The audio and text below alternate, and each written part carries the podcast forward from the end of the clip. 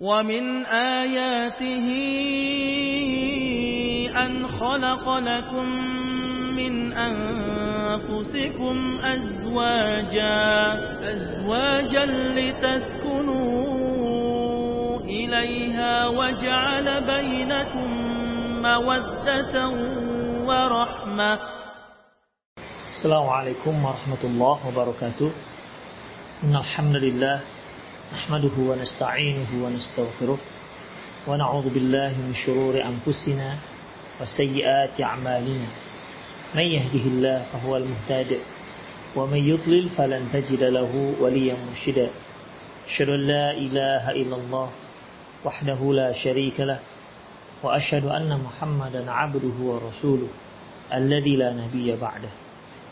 فقال الله سبحانه وتعالى يا أيها الذين آمنوا اتقوا الله حق تقاته ولا تموتن إلا وأنتم مسلمون. وقال عز من قال يا أيها الذين آمنوا اتقوا الله وقولوا قولا سديدا. يصلح لكم أعمالكم ويغفر لكم ذنوبكم. ومن يطع الله ورسوله فقد فاز فوزا عظيما.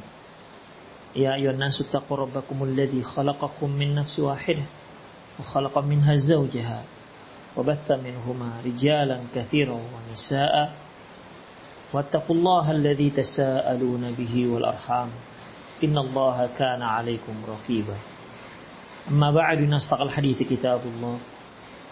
وخير الهدي هدي محمد صلى الله عليه وسلم. وشر الأمور محدثاتها. وكل محدثة بدعة. وكل بدعة ضلالة.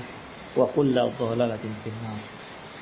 Para pemirsa Rosa TV, pendengar Radio Medan mengaji di mana pun Anda berada, terutama pada kaum muslimah saudariku rahimani Allah wa iyyakunna. Alhamdulillah di kajian lalu kita telah membahas dengan satu tema di mana jika kita ingin memperbaiki hubungan kita dengan manusia, maka perbaikilah hubungan kita dengan Allah Subhanahu wa taala.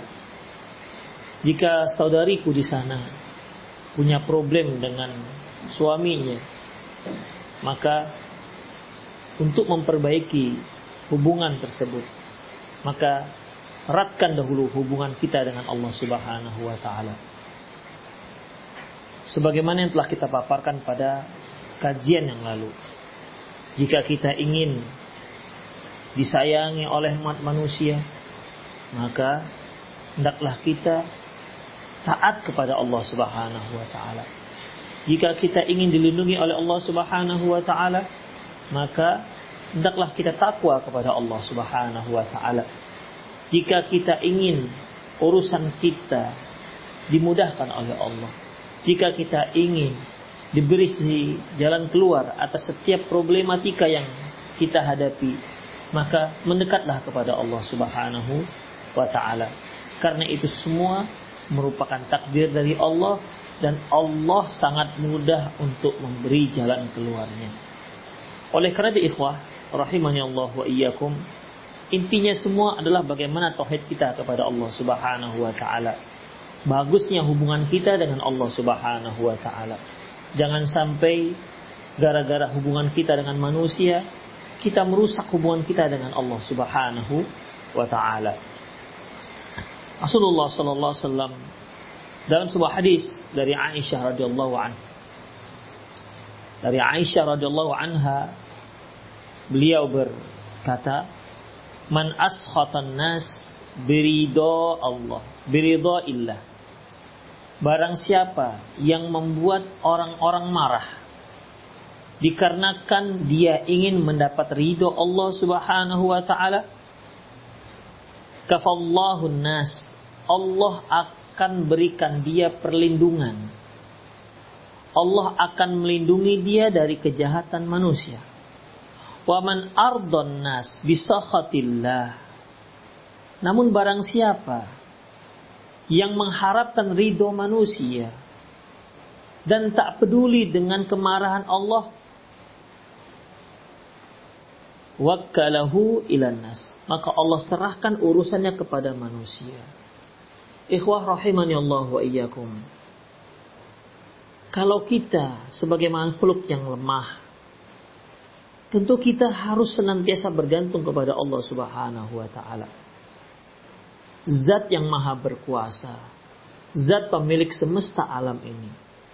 Zat yang senantiasa memelihara kita, zat yang senantiasa memberi kita rezeki. Kehidupan kita tidak ada satupun yang terlepas dari Allah Subhanahu wa taala. Lantas kalau zat ini membiarkan kita, tak mempedulikan kita, apalah nasib kita sebagai anak Adam? Mau ke mana kita pergi? Apa nasib kita?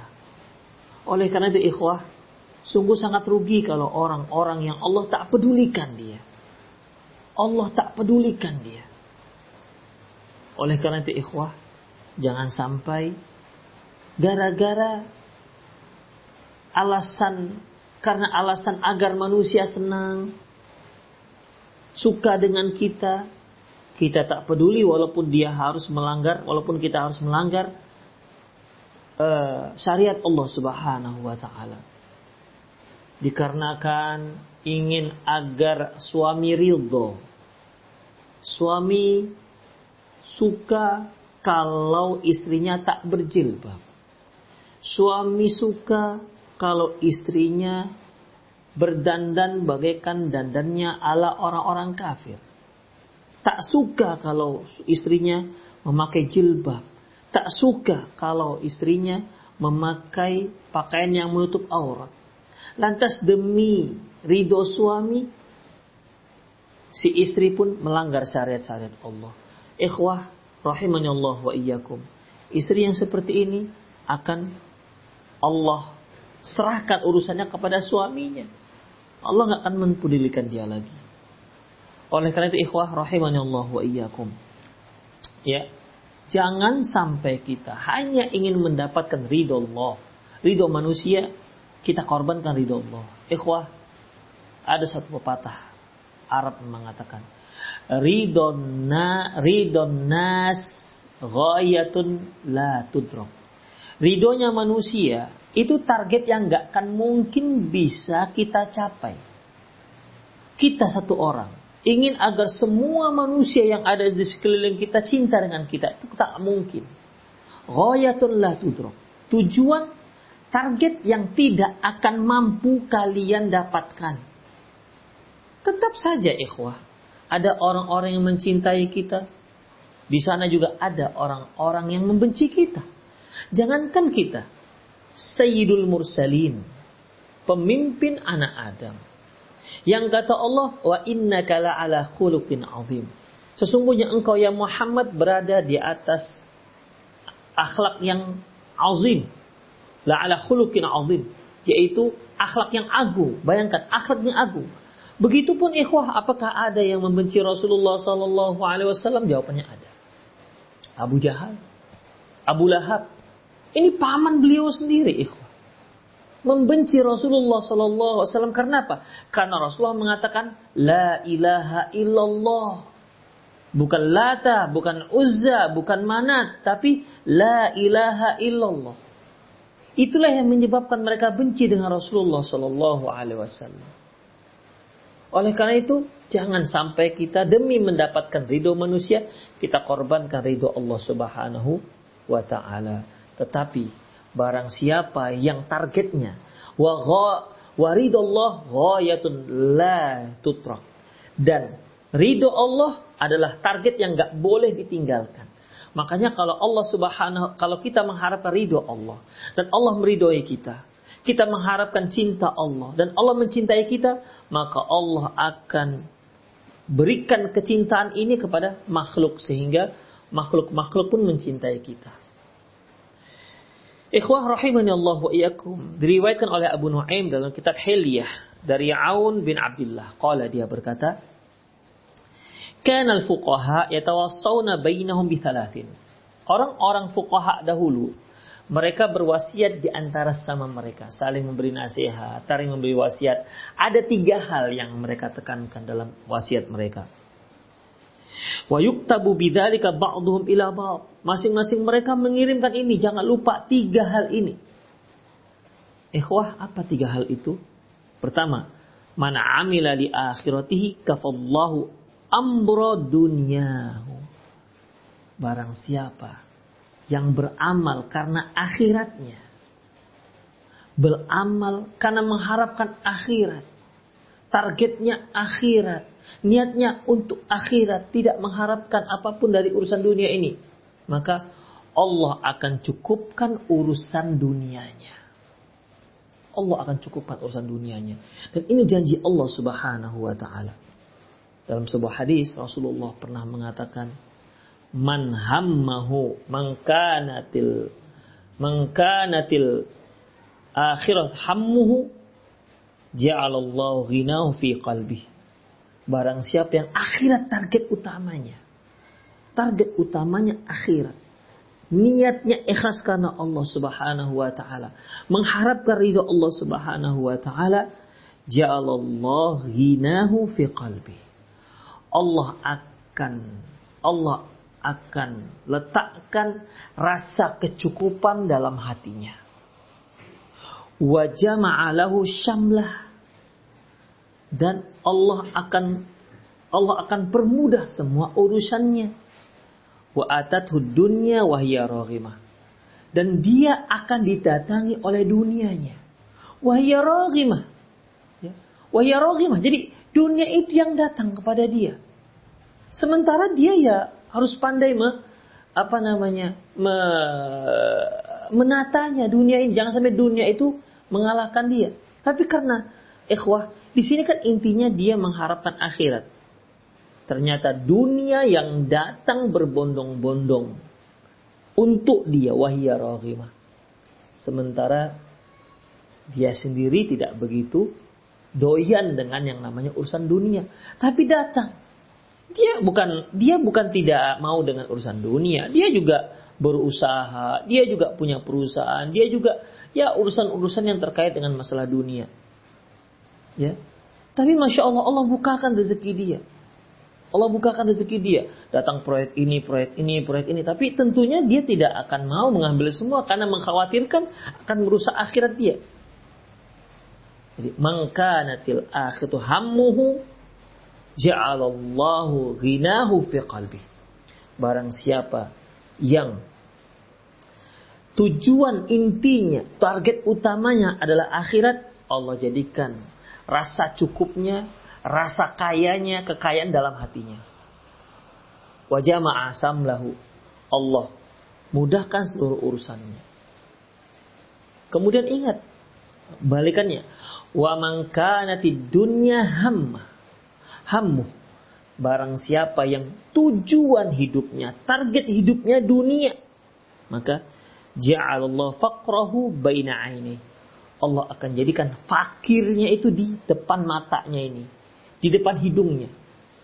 Fakir saja bawaannya. Artinya tidak pernah merasa cukup. Walaupun orang lain sudah melihat orang ini orang yang berkecukupan. Orang ini orang yang kaya raya. Tapi karena karena tujuan dan targetnya adalah dunia, akhirnya apa? Dia tidak pernah merasa cukup. Ketika seorang tidak pernah merasa cukup, maka kesusahan akan senantiasa merundung dirinya kesulitan akan senantiasa menimpa dirinya. Kenapa? Dia tidak pernah merasa cukup. Ini yang kata Rasulullah Sallallahu Alaihi Wasallam. Laukan libni Adam wadiyani minat zahab. Seandainya anak Adam memiliki dua lembah yang isinya itu semua emas. La ahabba ayyakuna wadiyan talithan. Sungguh dia menginginkan lembah yang ketiga Falayyam laufah illa turab. Mulutnya nggak akan pernah penuh kecuali dengan tanah. Mulutnya nggak akan pernah penuh dengan kecuali dengan tanah. Artinya apa? Mati itu dia baru selesailah apa namanya ambisinya. Ini ikhwafiddin. Wa man kanatid dunya hammu ja'alallahu faqrahu baina ainai yang target utamanya dunia Allah jadikan kefakiran ada di depan hidungnya. Kemudian wafarraqa syamlah Allah persulit urusannya. Walam ya'ti minad dunya illa ma. Padahal dunia yang dia dapati hanya yang sudah ditakdirkan Allah. Tidak lebih banyak dibandingkan apa yang telah ditakdirkan oleh Allah. Tapi dia telah banting tulang, kaki jadi tangan, tangan jadi kaki. Sebenarnya dia sudah kaya raya.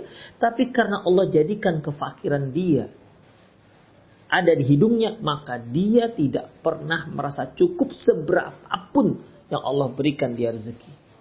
Siksaan ikhwafiddin. Allah siksa dia dengan perasaan ini sebelum Allah siksa nanti dia di hari akhirat. Allahu Akbar. Na'udzubillah min dalik. Oleh karena itu ikhwafiddin. Rugi jika seorang targetnya itu dunia. Rugi. Rugi dan rugi. Makanya nasihat pertama dari kalangan para ulama kita, para pokoha. Mana amila li akhiratihi kafallahu amro dunia. Barang siapa yang beramal untuk akhiratnya, Allah cukupkan dunianya. Ya, Allah cukupkan dunianya. Yang kedua, man aslaha sariratahu, aslah Allah alaniyatahu. Ini nasihat yang kedua. Barang siapa yang memperbaiki kondisi dia yang batin, yang gak nampak, atau memperbaiki kondisi dia di saat dia sendiri, maka Allah akan perbaiki kondisi dia di saat bersama orang lain. Ikhwah kalau ada seorang yang malu ketika berbuat maksiat di hadapan saudaranya. Suatu hal yang wajar. Ya, malu dia. Dan memang lebih nggak wajar lagi kalau tak malu-malu. Ya, ini yang kata Rasulullah SAW, Kullu ummati mu'afa illal muhajir semua umatku akan diampuni kecuali orang-orang yang muhajir. Famal muhajir ya Rasulullah. Apa yang dikatakan muhajir Rasulullah? Yaitu orang yang berbuat buruk pada malam hari. Sementara Allah rahasiakan. Eh malah dia yang menceritakan perbuatan buruknya itu kepada orang lain. Ini muhajir namanya. Yang terang-terangan berbuat buruk. Yang terang-terangan berbuat buruk. Oleh karena itu ikhwafiddin. Ketika kita dalam kesendirian kita, kita tetap berupaya bersabar. Bersabar, sabar dalam mentaati Allah, sabar dalam menjauhi maksiat Allah, ma perbuatan maksiat, sabar dengan ketentuan Allah Subhanahu wa taala, baik dalam keadaan sendiri tanpa ada siapa pun, hanya dia dan Allah maupun dia berhadapan dengan orang lain, maka Allah akan perbaiki zohirnya kehidupan dunianya, kehidupan zohirnya Allah akan perbaiki. Demikian ikhwah. Jadi kalau kita lihat seorang yang bagus kehidupan zohirnya, nampaknya zohirnya dia soleh, itu belum tentu dia baik ketika dia sendiri. Belum tentu ikhwah. Ya, itu it, sebenarnya ini terkait dengan introspeksi diri. Tapi kalau kita sebagai orang yang menilai, kita hanya boleh menilai zohirnya. Kita lihat seorang rajin, Masya Allah, rajin ke masjid, rajin baca Quran, rajin bekerja. Ya kita katakan dia zohirnya baik. Jangan kita katakan, alah itu belum tentu itu. Jangan-jangan ketika dia sendiri di rumahnya nggak beres. Eh wah kita nggak boleh seperti itu. Kita tidak boleh menilai seseorang dari rahasianya, dari hatinya. Ingat seorang sahabat ketika dia bertempur dan akhirnya uh, dia berhasil memojokkan musuhnya orang kafir, ketika dia ingin menebas leher orang kafir tersebut, orang kafir itu mengatakan la ilaha illallah Muhammad Rasulullah. Ya, sahabat tadi merasa, iya, kenapa nggak dari tadi? Dari tadi dia melawan. Ya, dari tadi dia melawan. Kenapa nggak? Kenapa ketika dia sudah terpojok tinggal ditikamkan dia mengucapkan la ilaha illallah? Ini bukan karena keimanan. Ini karena ketakutan dibunuh oleh sahabat tadi. Kalau saya tidak silap nama sahabatnya Usama bin Zaid. Lantas cerita ini dilaporkan kepada Rasulullah Sallallahu Alaihi Wasallam. Marah Rasulullah. Apa kata Rasulullah? Bagaimana kamu nanti di hadapan Allah dengan kalimat La ilaha illallah? Sampai tiga kali ikhwah. Bagaimana nanti? Asyakak qalbah. Kamu tahu apa isi hatinya. Tahu kamu isi hatinya.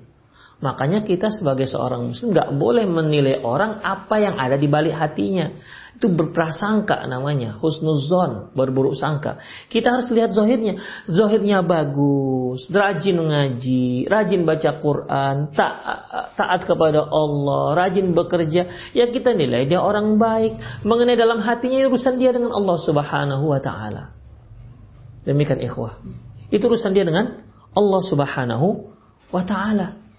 Nah, Jadi kalau kita ingin zohir kita diperbaiki oleh Allah Subhanahu wa taala, amalan zohir kita diperbaiki oleh Allah Subhanahu wa taala. Allah mudahkan kita ingin Allah mudahkan kita beramal kebajikan. Allah mudahkan untuk berbuat takwa ya dengan amal-amalan zohir maka kita perbaiki diri kita di saat kita di sendirian.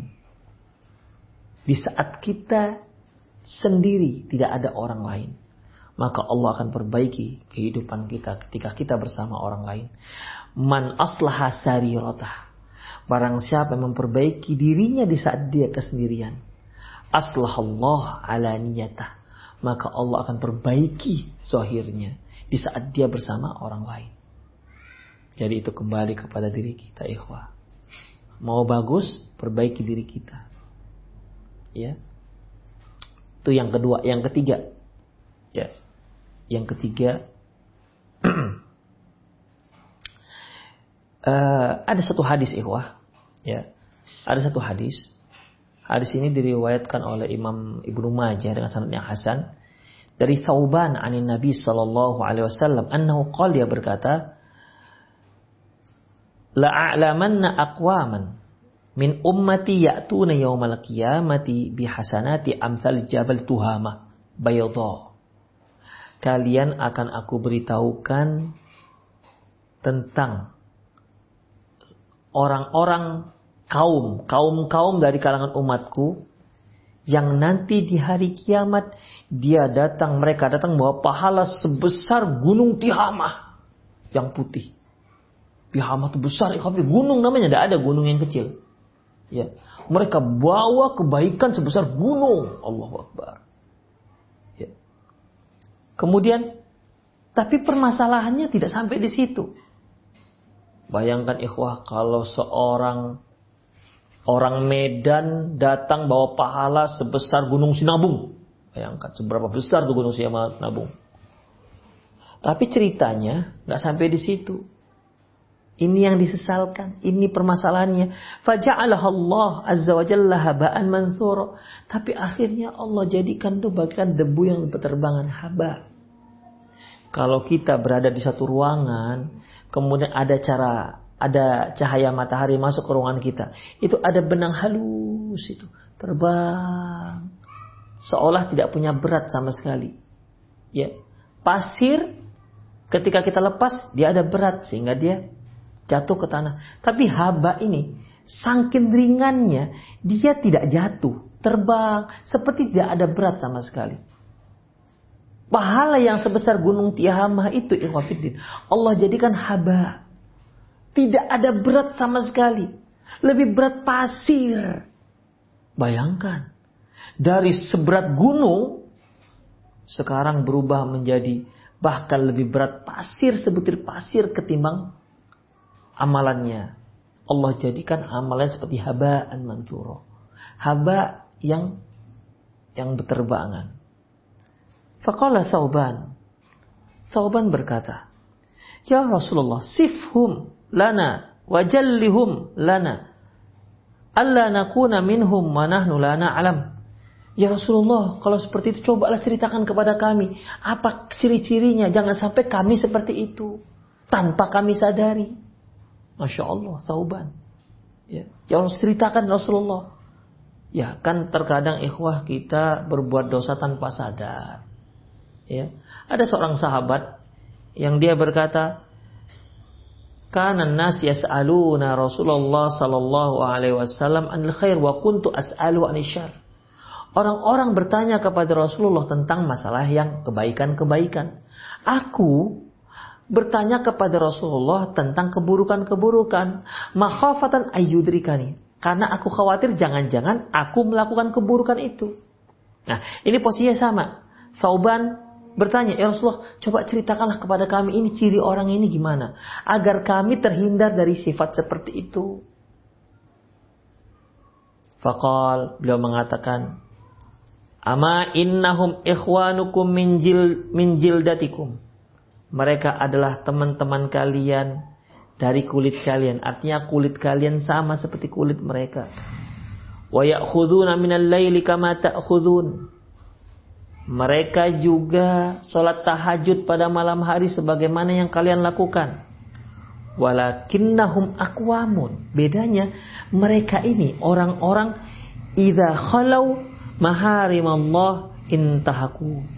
Kalau mereka sendiri mereka langgar apa yang diharamkan oleh Allah Subhanahu wa taala. Nauzubillah min dzalik. Bayangkan ikhwafidin tahajud rajin. Orang kalau sudah tahajud rajin, apalagi yang sholat lima waktu. Ya. Ini menunjukkan orang yang masya Allah taat. Tapi permasalahannya, ketika dia sendiri, dia buat maksiat. Astagfirullah.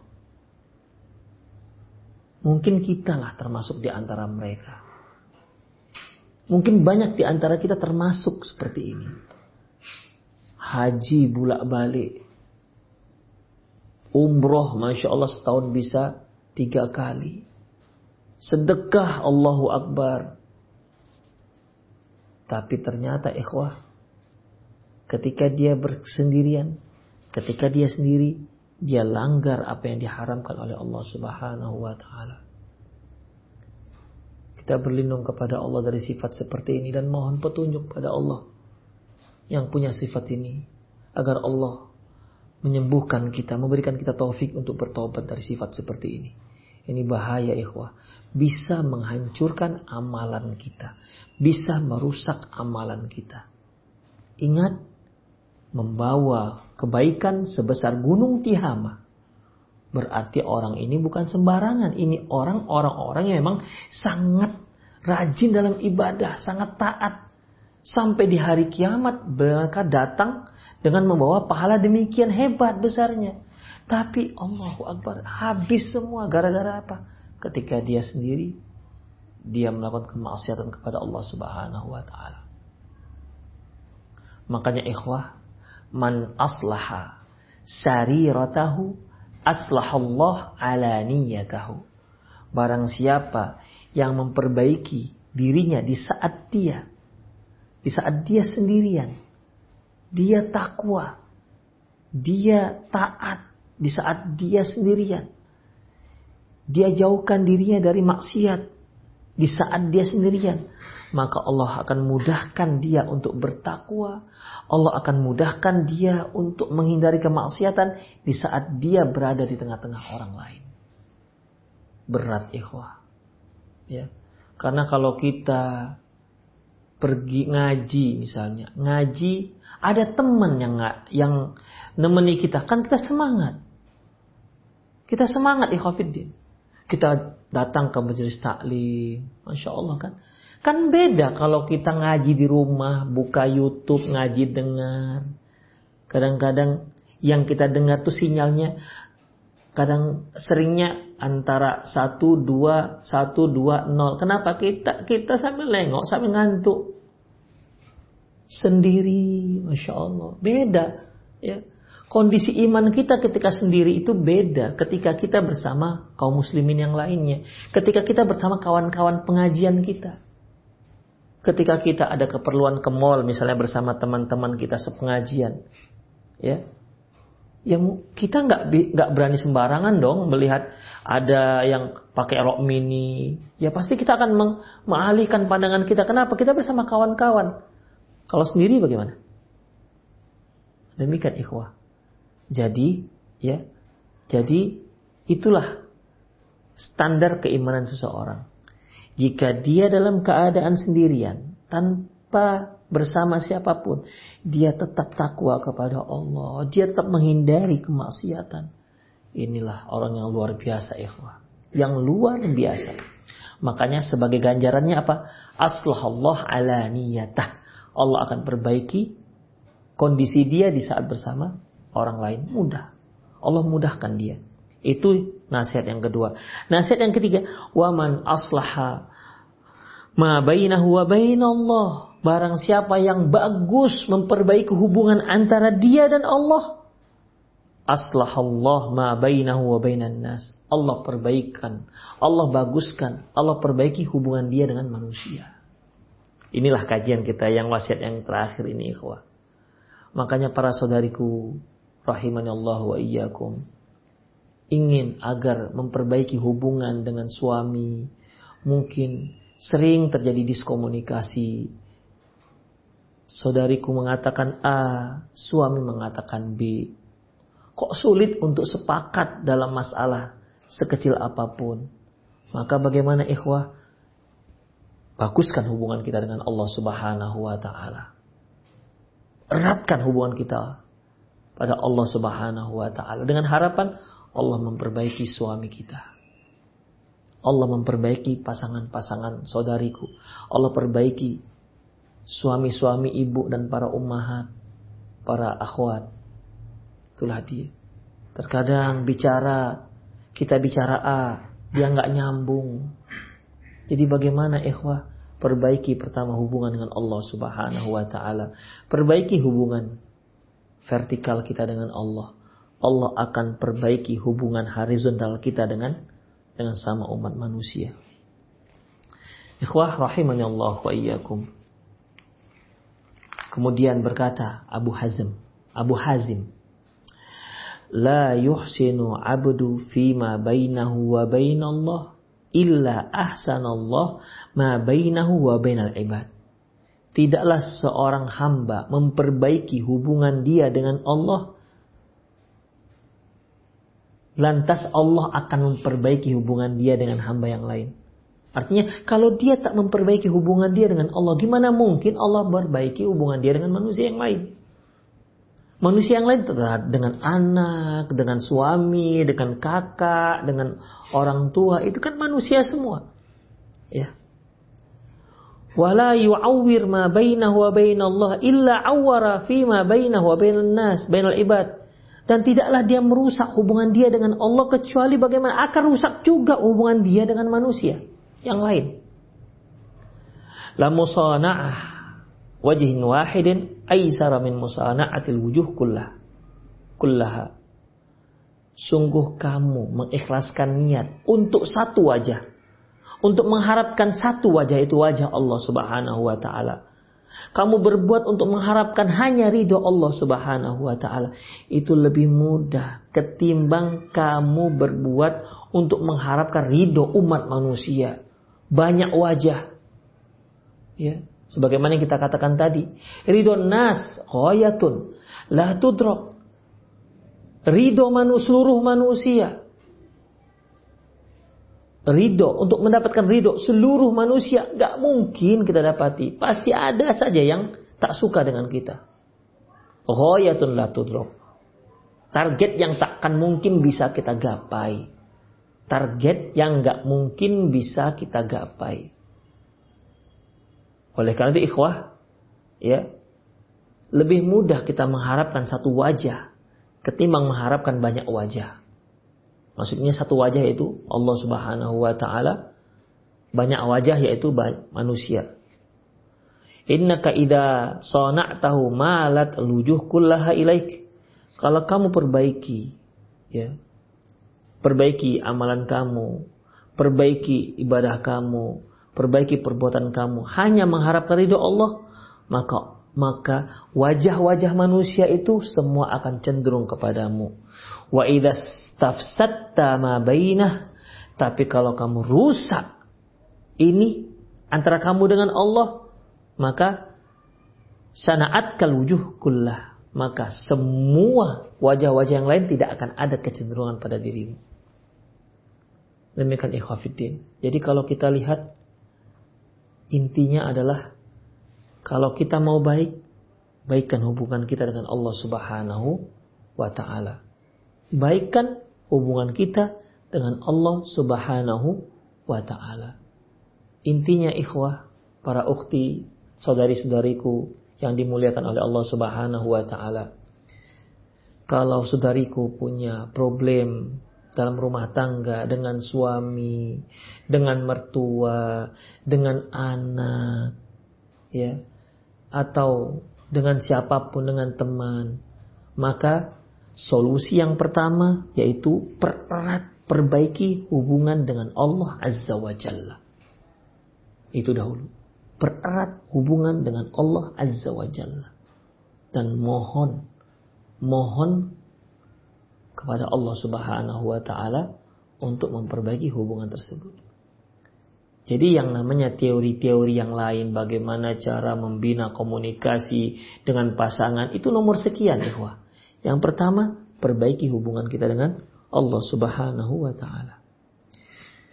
Saya kira untuk sore ini itu sajalah kajian kita ya. Semoga Allah Subhanahu wa taala ah, memperbaiki kondisi kita, memperbaiki keadaan kita, amalan kita, baik ketika kita berada bersama kawan-kawan kita, di hadapan teman-teman kita, maupun di saat kita sendirian.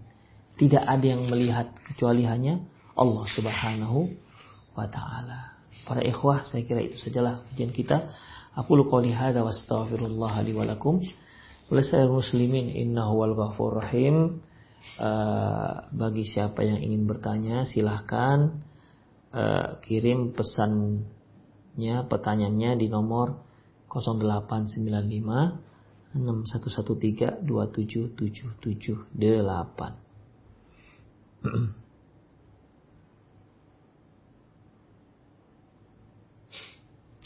Pertanyaan dari sahabat Sabda TV, Ustadz bagaimana meraih ketenangan hati agar bisa melewati semua masalah yang terjadi dengan tenang dan bijak menyikapi masalah. Semoga Ustadz senantiasa diberi kesehatan dan istiqomah. Amin. Barakallahu fiqh. Ikhwah rahimanillahu wa iyyakum para pendengar Rosat TV, para pemirsa Rosat TV, pendengar Medan Mengaji di mana pun Anda berada dan khususnya untuk si penanya, ya semoga Allah Subhanahu wa taala memberikan kemudahan untuk setiap masalah. Bagaimana caranya untuk meraih ketenangan hati? Kita tanya si pemilik hati. Yang memiliki hati kita adalah Allah Subhanahu wa taala. Ada nggak Allah memberikan kita info bagaimana cara agar hati kita tenang dalam kondisi apa pun, termasuk dalam menghadapi masalah? Allah ada menyebutkan, "Ala bidzikrillahi tatmainnul qulub." Ala bidzikrillahi tatmainnul qulub. Ketahuilah dengan zikir kepada Allah, hati akan tenang. Hati akan tenang. Zikir kepada Allah dan zikir yang paling agung adalah dengan membaca Al-Quran. Wanunazzilu minal Quran ma huwa syifa.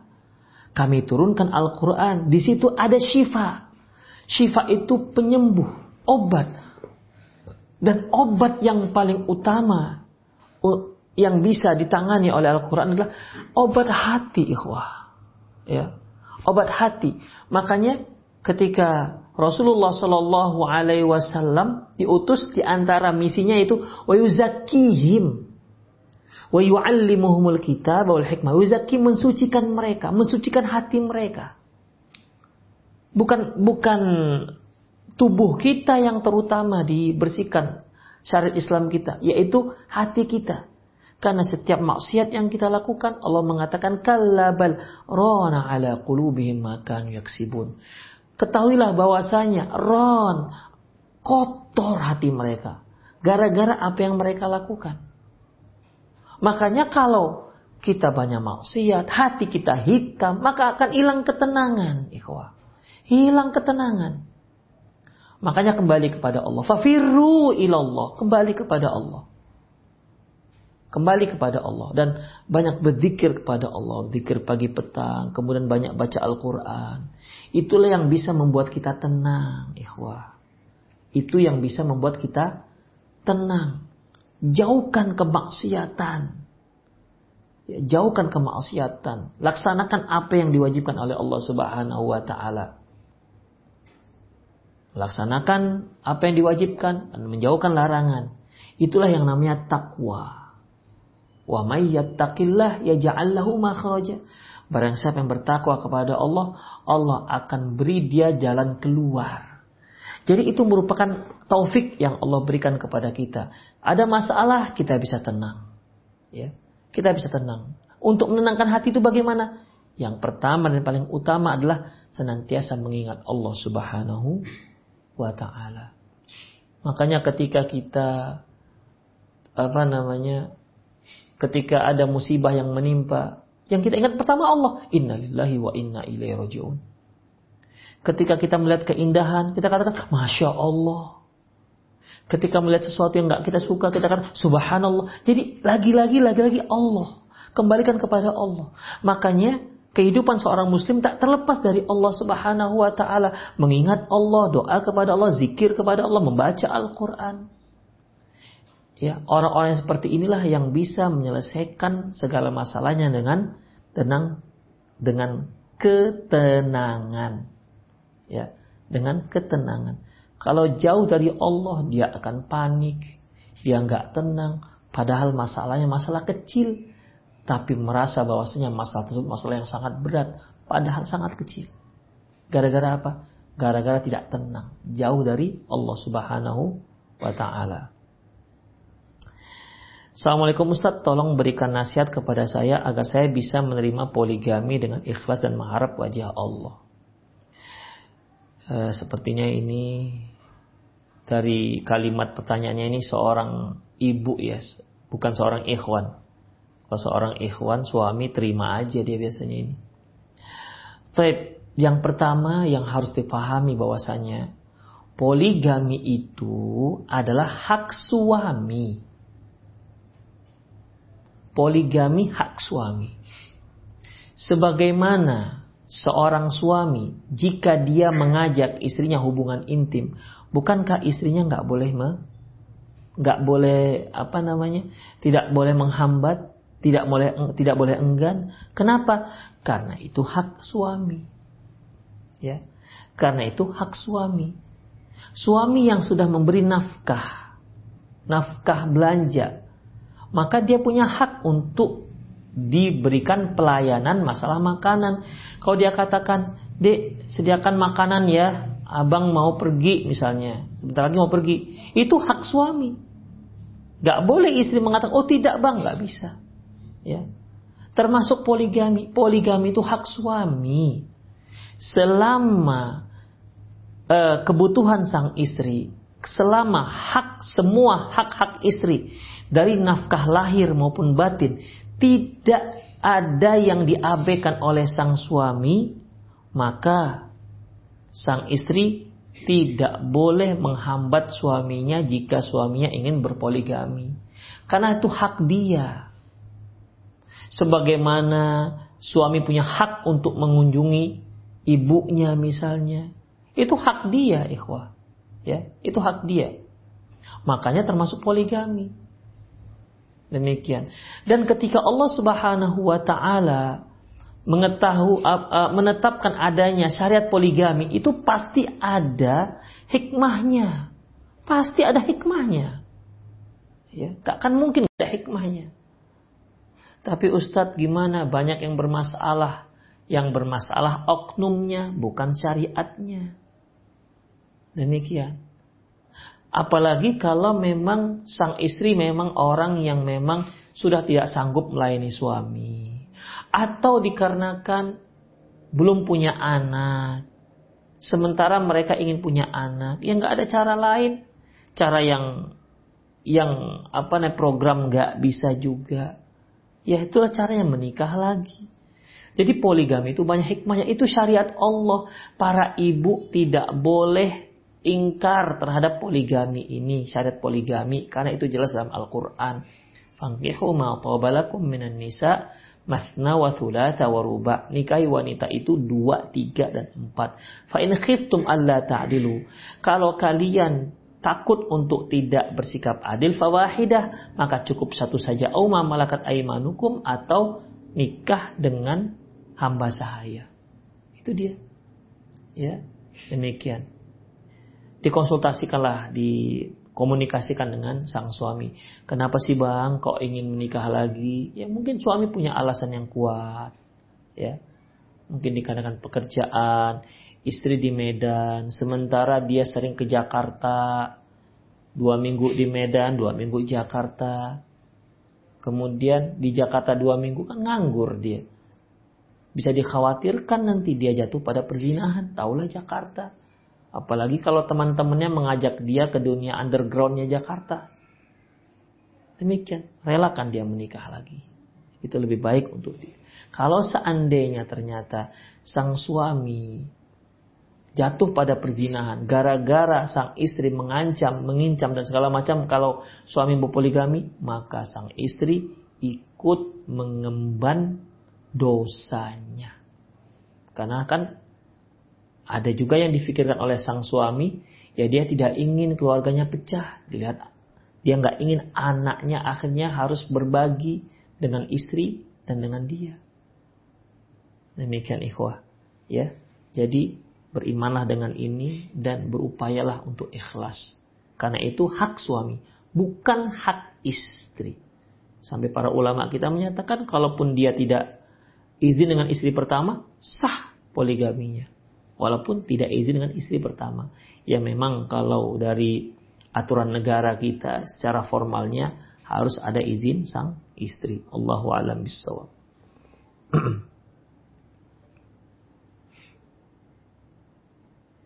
Assalamualaikum.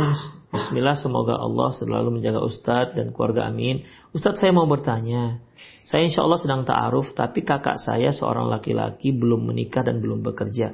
Baiknya bagaimana ya Ustadz? Dan satu pertanyaan lagi Sudah hampir sebulan saya ta'aruf Tapi belum melanjutkan tahap nazor Karena terkendala jarak dan waktu. Baiknya apa yang seharusnya saya sampaikan Ke pihak akhwatnya? Jazakumullah khairan.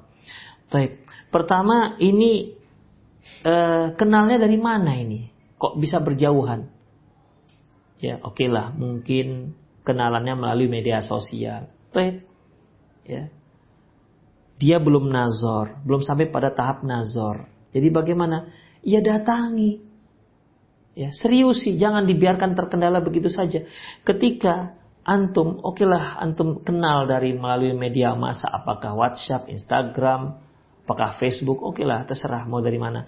Tapi memang serius untuk menikah, maka Katakan pada akhwat, sang akhwat saya mau mendatangi rumah anti, saya mau nazor serius. Jangan diam-diam saja. Ya. Kita ingin datang ke rumah orang tuanya itu menunjukkan ingin kenalan lah begitu kan awalnya. Itu menunjukkan keseriusan kita. Berapa banyak ini apa namanya ikhwan-ikhwan modus ini. Masya Allah perhatian dicurahkan di media sosial terhadap seorang akhwat hanya begitu saja. Ya. Akhwat, para saudariku, rahimani Allah wa iyyakum, kalau ada ikhwan seperti ini, udahlah. Singkirkan saja, tidak usah. Ya, tidak usah diladeni. Yang serius saja. Serius, ingin menikah, silahkan. Begitu. Jadi sampaikan, saya ingin nazor. Saya ingin nazor. Gimana? Aduh saya belum siap. Berarti akhwatnya belum siap untuk menikah. Cari yang lain. Kembang tak sekuntum, ikhwah. Masih banyak kembang-kembang yang lain yang harum semerbak. Tinggalkan, cari yang lain. Yang bersedia untuk dinazor.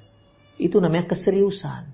Ya, itu namanya keseriusan. Adapun mengenai abang yang belum menikah, ya tinggal dikonsultasikan saja, dikomunikasikan saja. Bang saya mau menikah, gimana lambat abang? Ya paling dia katakan nanti, ya nggak apa-apa silakan dek, kamu nikah duluan. Abang belum dapat jodohnya, aman. Ya. Demikian, komunikasikan saja. Assalamualaikum Ustaz, bagaimana solusi bagi akhwat yang akan berta'aruf namun tidak memiliki wali yang faham tentang proses ta'aruf? Dan apakah boleh seorang akhwat menerima ta'aruf dari seorang tanpa memberitahu wali? Jazakallah khairan. Ta'aruf itu kan dari kata-kata arafah, mengetahui, saling mengetahui. Ya, saling mengetahui. Jadi bagaimana caranya? Pertama dengan membagi biodata nama, kemudian lahir, kemudian juga tergantung apalah form yang di diisi yang harus diisi. Kalau kita ada formnya itu nama, tempat tanggal lahir, suku. Biasanya juga kita letakkan di situ tinggi badan, berat badan, pekerjaan, kemudian pendidikan, orang tua, anak keberapa dan lain-lainnya. Itu saja dulu ya. Kalau dia setuju dengan formnya itu, dengan format yang sudah diisi, setuju, baru masuk pada tingkat berikutnya yaitu perkenalan. Ya. Tapi ingat, berkenalan jangan berdua-duaan. Cari akhwat yang lain yang punya suami yang bisa me, yang bisa menemani. Intinya jangan berduaan. Jangan berduaan. Ya. Karena Rasulullah mengatakan la yakhluwanna rajul bi imra'atin illa thalithuhum syaitan tidaklah seorang laki-laki berduaan dengan seorang wanita kecuali yang ketiganya adalah setan. Demikian. Jadi boleh situ ya kawani. Kira-kira cocok sudah nazor nazor juga tidak harus ditemani oleh mahram. Temani ya minta tolonglah pada akhwat yang sudah menikah. Ditemani oleh suami akhwatnya dan suaminya untuk bertemu dengan ikhwan ini. Begitu ikhwan. Cocok baru nanti lanjut ke ke wali. Itu dia. Kalau kurang jelas nanti coba tanya ke yang memang orang yang sudah terbiasa mengurusnya.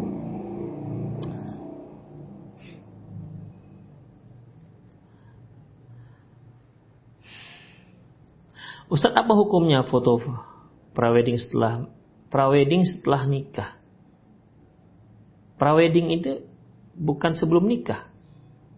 Periwet itu sebelum nikah, akhi. Ya. Kalau setelah nikah nggak periwet namanya. Tapi apa hukumnya foto-foto sebelum menikah? Nggak dibolehkan. Dia itu bukan siapa-siapa. Ya.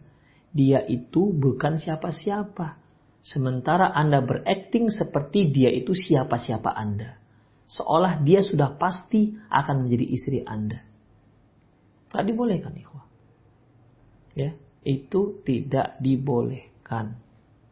Sudah nanti saja. Nanti saja, ya. Tidak usah ada private. Ini kan sebenarnya juga banyak orang-orang Indonesia meniru orang-orang kafir.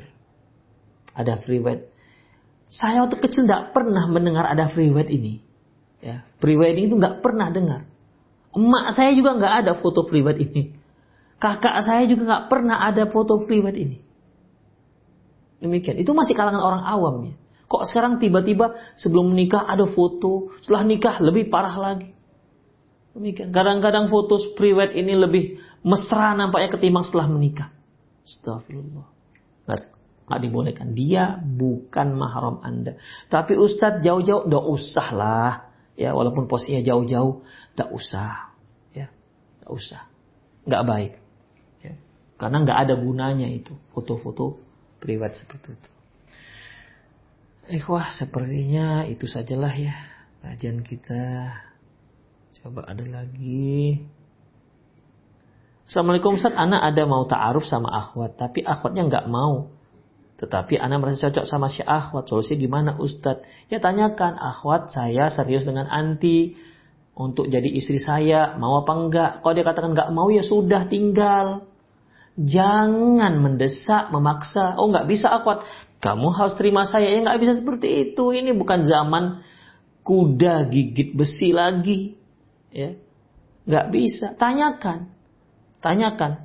Saya ingin, boleh nggak saya taaruf, misalnya ingin jadi anti sebagai calon istri saya. Kalau dia katakan nggak mau, ya sudah selesai ceritanya atau melalui orang lain kalaupun nggak ber, berani ya kan? Tolong tanyakanlah akhwat itu mau dia nggak dengan saya?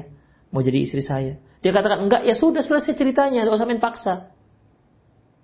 Demikian ikhwafidin doa sebelum itu tidak apa-apa. Ya Allah mudahkanlah saya agar dia bisa menjadi istri saya. Begitu. Itu ikhwah ya. Hanya bisa berdoa. Kalau dia katakan enggak ya sudah jangan. Jangan maksa. Ya Allah saya sudah ditolak ya Allah. Ubahkan hati. Ya nggak usah kan belum ada apa-apa, belum ada rasa cinta kan. Makanya itu sangat penting ikhwafiddin. Tidak usah ada pacaran, tidak usah ada cinta-cintaan. Sehingga kita bisa menilai seseorang itu bisa sangat objektif. Kita lihat dia bagus, masya Allah, akhlaknya bagus, pakainya bagus, ngaji, akidahnya bagus, manhajnya bagus, udah. Kita tanyakan mau nggak jadi istri kita? Kalau dia katakan mau ya sudah kita cari yang lain. Oh nggak ada apa-apa, belum ada apa-apa sebelumnya. Akhwat juga begitu. Kalau masalah ikhwan ini masih lebih mudah karena dia ikhwan ini kan lebih proaktif. Akhwat misalnya, dia dia tertarik dengan seorang ikhwan. Kan nggak mungkin toh kalau dia katakan ikhwan mau nggak antum nikah dengan saya. Ini khawarim ru'ah ikhwah. Ya. Walaupun dibolehkan, sebagaimana yang telah kita pelajari, boleh seorang akhwat menawarkan. Boleh. Tapi memang khawarim ru'ah. Jangan langsung. Coba melalui orang ketiga. Ya. Lantas bagaimana?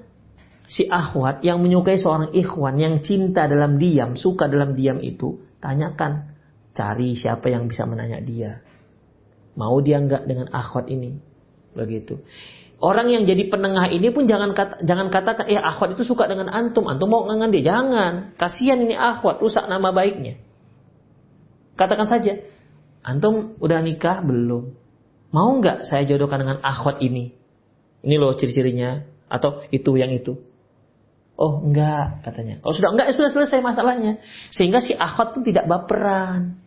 Si akhwat pun tidak tidak berharap-harap. Ikhwannya lewat dari depan dia rasanya Masya Allah bumi bagikan berguncang-guncang sekaligus menebarkan kembang-kembang yang gak jelas kembang apa. Ya kan jadi baperan jadinya. Habis baperan caperan, tahu caperan, cari perhatian. Demikian. Sudah. Kalau emang anti suka, cari orang ketiga tanyakan. Kalau enggak ya sudah selesai masalahnya. Demikian, ya.